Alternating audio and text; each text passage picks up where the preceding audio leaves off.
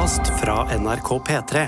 De nyeste episodene hører du først i appen NRK Radio. Jeg har bitt meg ut på 10 gram en gang. 10 gram? Ja, Oi, satan. Såkalt en heroisk dose. Det er ganske heavy. På godt norsk kommer det til at du mister deg sjæl, egentlig. Ikke bruk denne episoden som medisinsk rådgivning.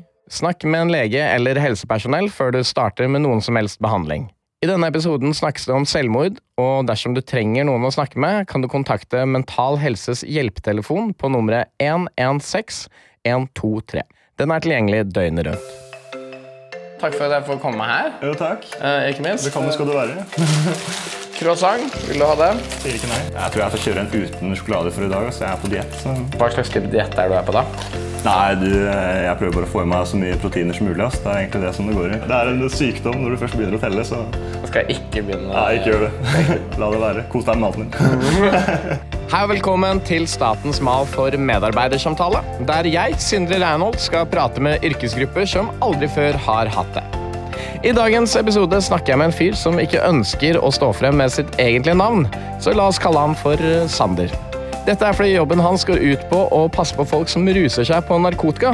Han innehar nemlig stillingstittelen Tripsitter.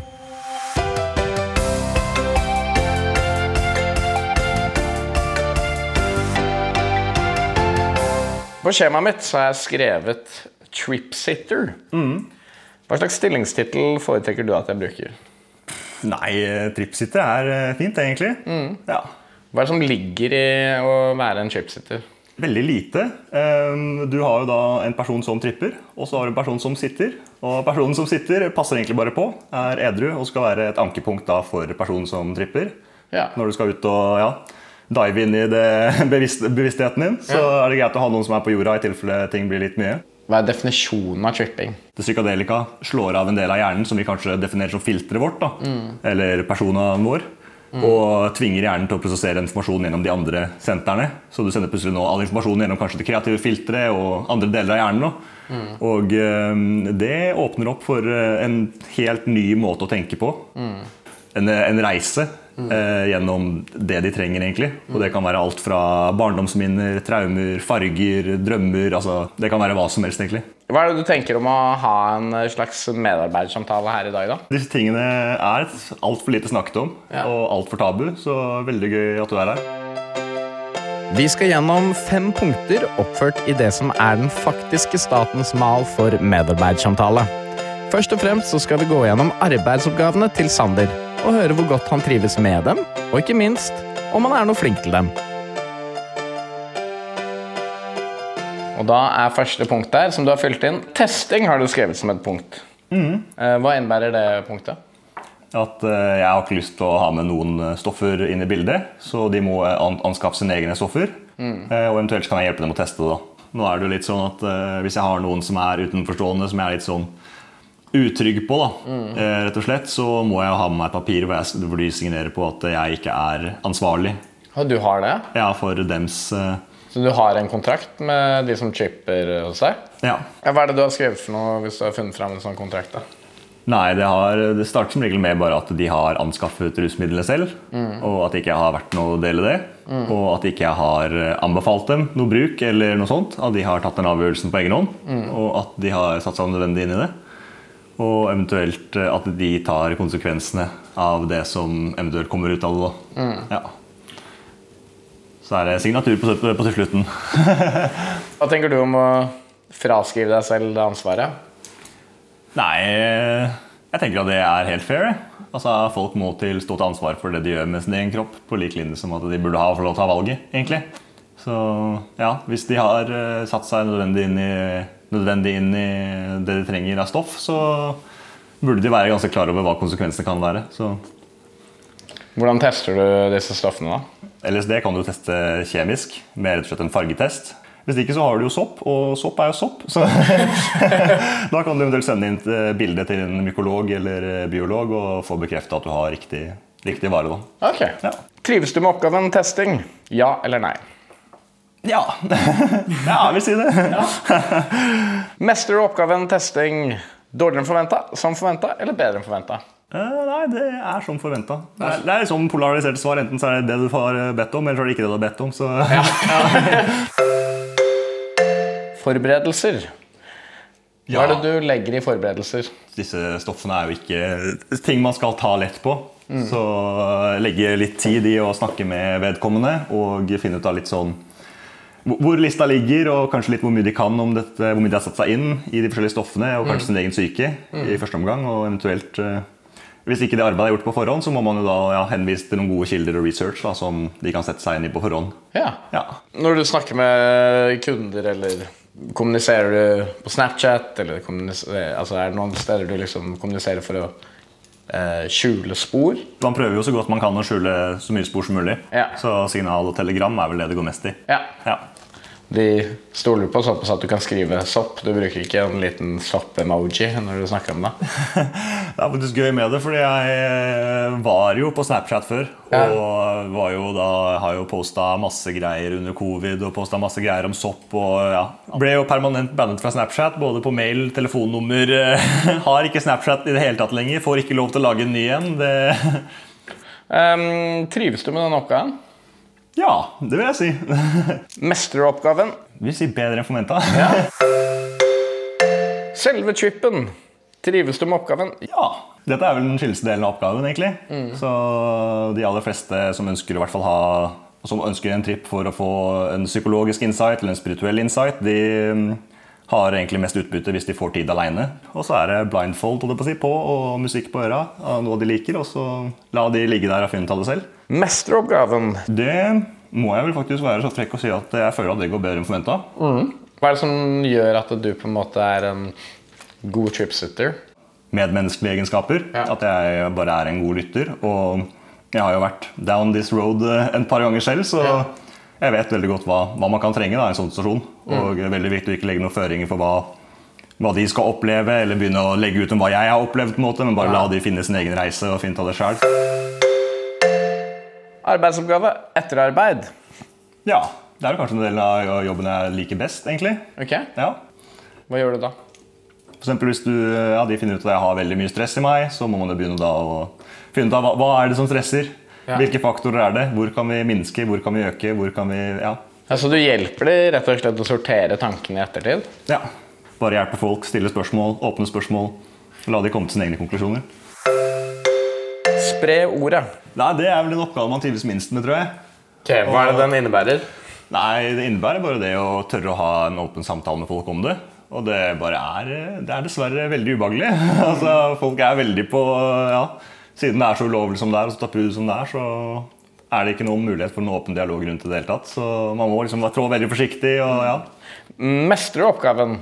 Nei, jeg vil si at kanskje bedre enn forventa der også. Ja. ja. I neste punkt så skal vi gjennom det som heter statusgjennomgang.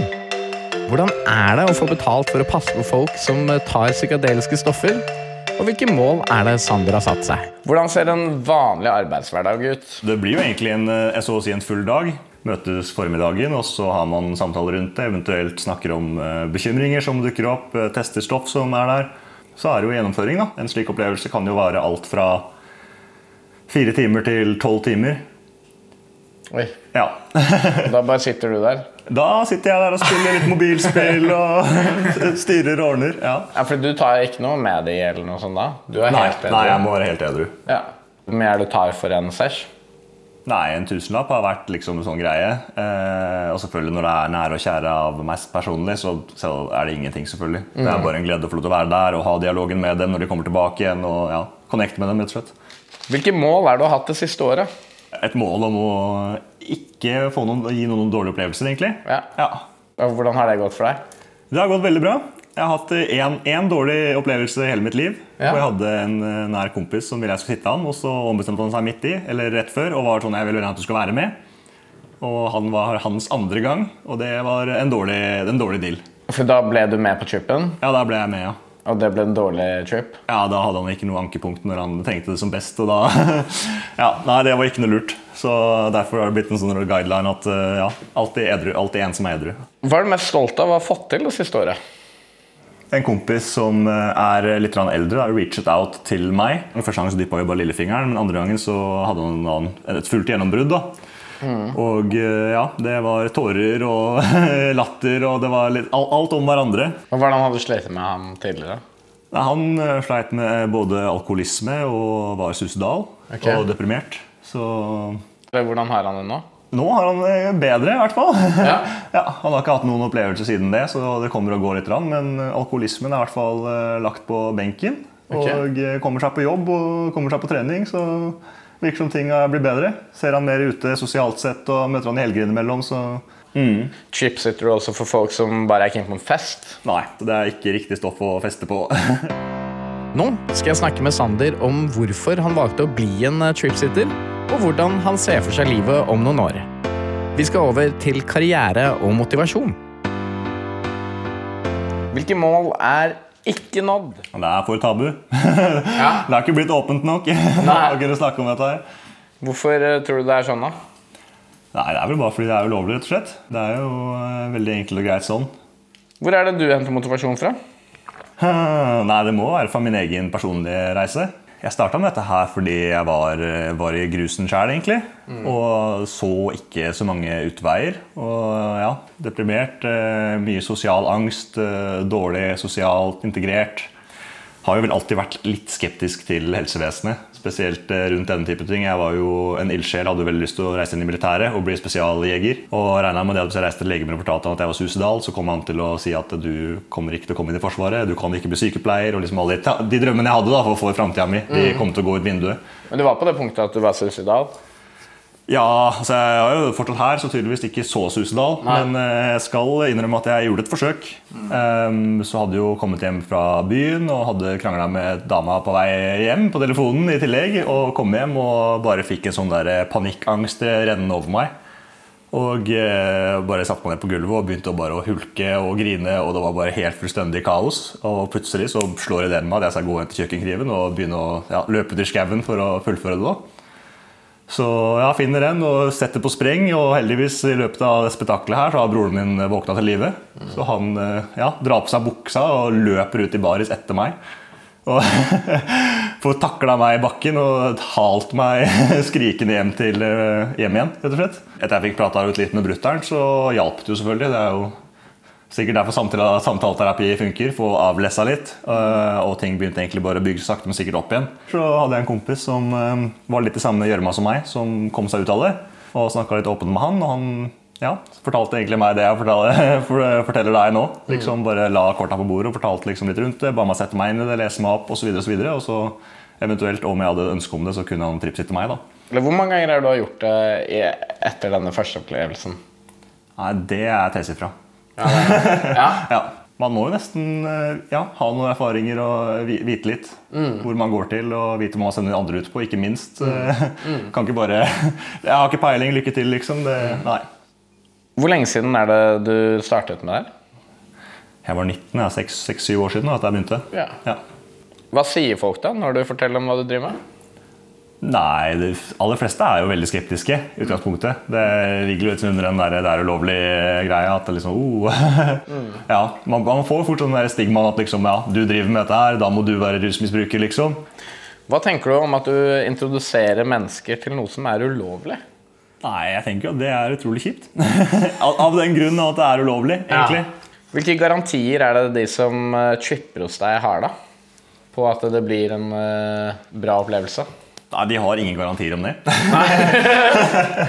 de, det, det blir eh, deres egne voksne avgjørelse å både stå for konsekvensene det kan ha for dem. Og, Har, du- har du måttet gå til et punkt hvor du må ringe liksom, eh, et eller annet? Ja, nødnummer, holdt jeg på å si. Nei, vi har aldri kommet dit. Eh, legevakta har eh, benzopener, og benzopener er jo da stoppende for effekten det har. Så har du et behov for å avslutte nå, du klarer ikke mer, Ja. så er det en mulighet. Det kan mm. selvfølgelig være lurt å også ta med seg og teste før trippen begynner, hvis du føler at det kan bli for mye for meg. rett og slett. Men eh, hvis ikke så må man da eventuelt ta kontakt med legevakta mm. og reise dit. Hvilke mål står enheten overfor i året som kommer? Spre budskapet. Hvordan er det du kan spre budskapet da, på best mulig måte? anbefale, men å, å lære. Og så tørre å, hvis du finner en spennende artikkel om dette her, eh, tørre å poste den, sende til nære og kjære, og ja, følge med rett og slett i hva som skjer og utviklingen der eh, researchmessig. Hvordan er du på kildekritikk? Nei, jeg er ganske hard på kildekritikken. Ja. Det er medisinske studier som gjelder. Hva er dine ambisjoner? hjelpe flest mulig folk. Det hadde vært eh, råkult å jobbe innenfor psykadelisk medisin profesjonelt sett. Så man kunne faktisk gjort noe seriøst arbeid rundt dette her som fikk noe anerkjent eh, ja, være, en anerkjent kilde da, og bli tatt seriøst i den jobben jeg gjør, og ikke bli sett på en fyr som, som en fyr som bruker dop, liksom. Hvis du lukker øynene, hvor er det du ser for deg om fem år? Om fem år så håper jeg at jeg er et sted eh, hvor jeg kan drive med behandling profesjonelt sett. egentlig. Eh, om det er eh, gjennom psykadelika, eller om det er gjennom eh, trening og helse og muskulære skjelettbehandling. Helst kombinert. Holistisk. ja. Du er kanskje nysgjerrig på hva det innebærer å være en såkalt tripsitter? Vi skal videre i skjemaet, der utfordringer og kompetanse står for tur. Har du fått noen problemer som følge av jobben?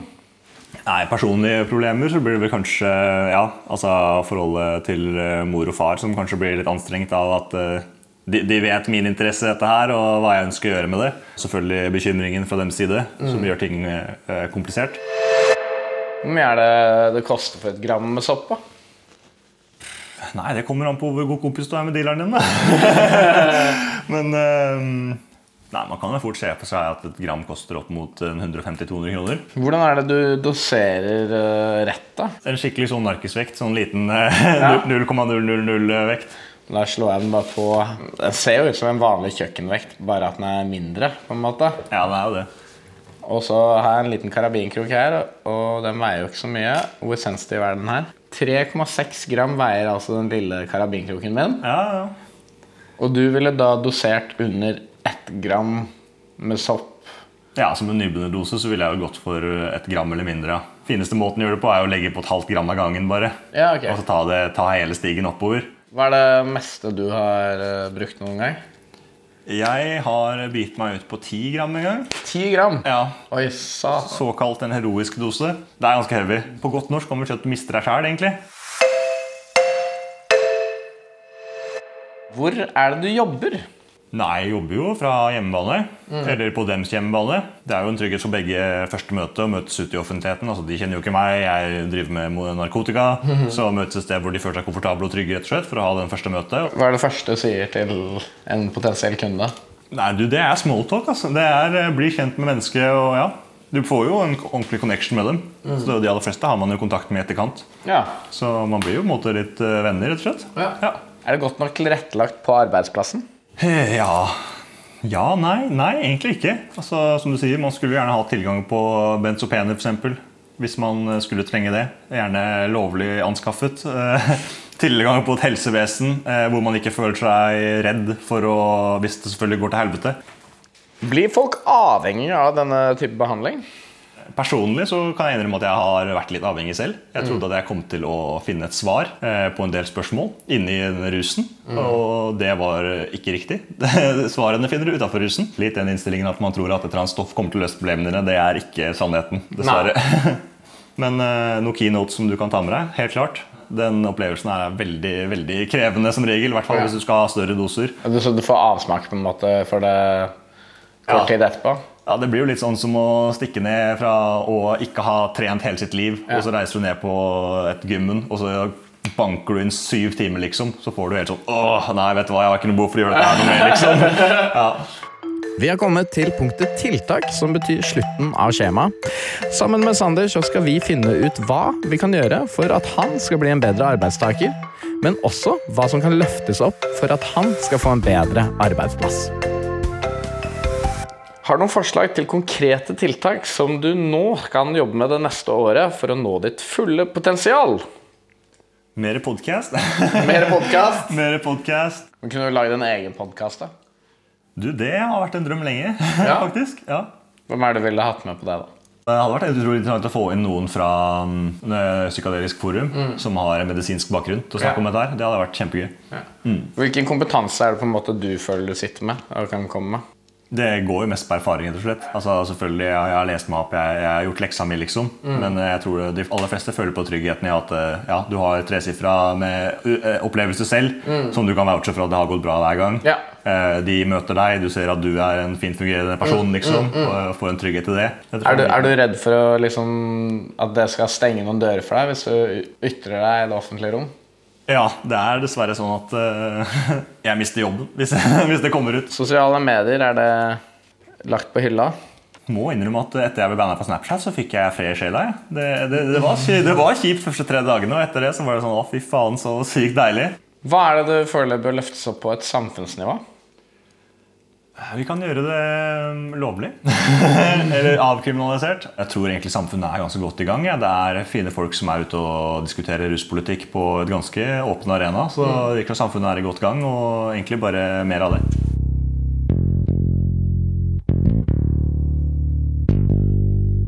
Jeg har tatt og sammenfatta litt av de tingene vi har snakket om i løpet av dagen. Eh, Ja, Du ønsker på en måte å øke kundebasen din, eller i hvert fall sånn at eh, flere folk åpner seg for nettopp det å bruke psykadelika som behandling.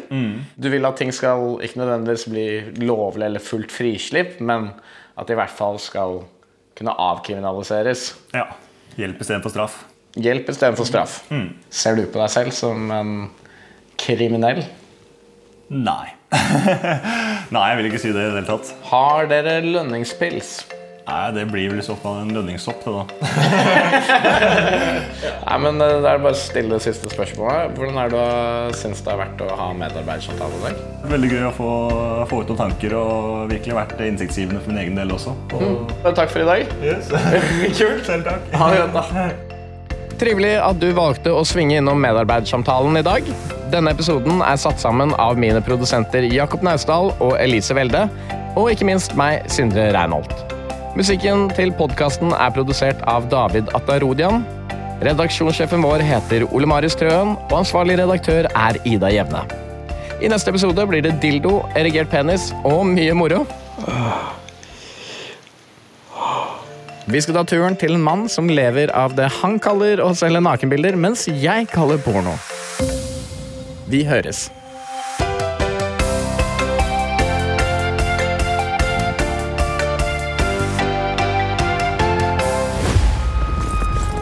Handelsmenn, sjøfarere, konger, kongsdøttere og krigere.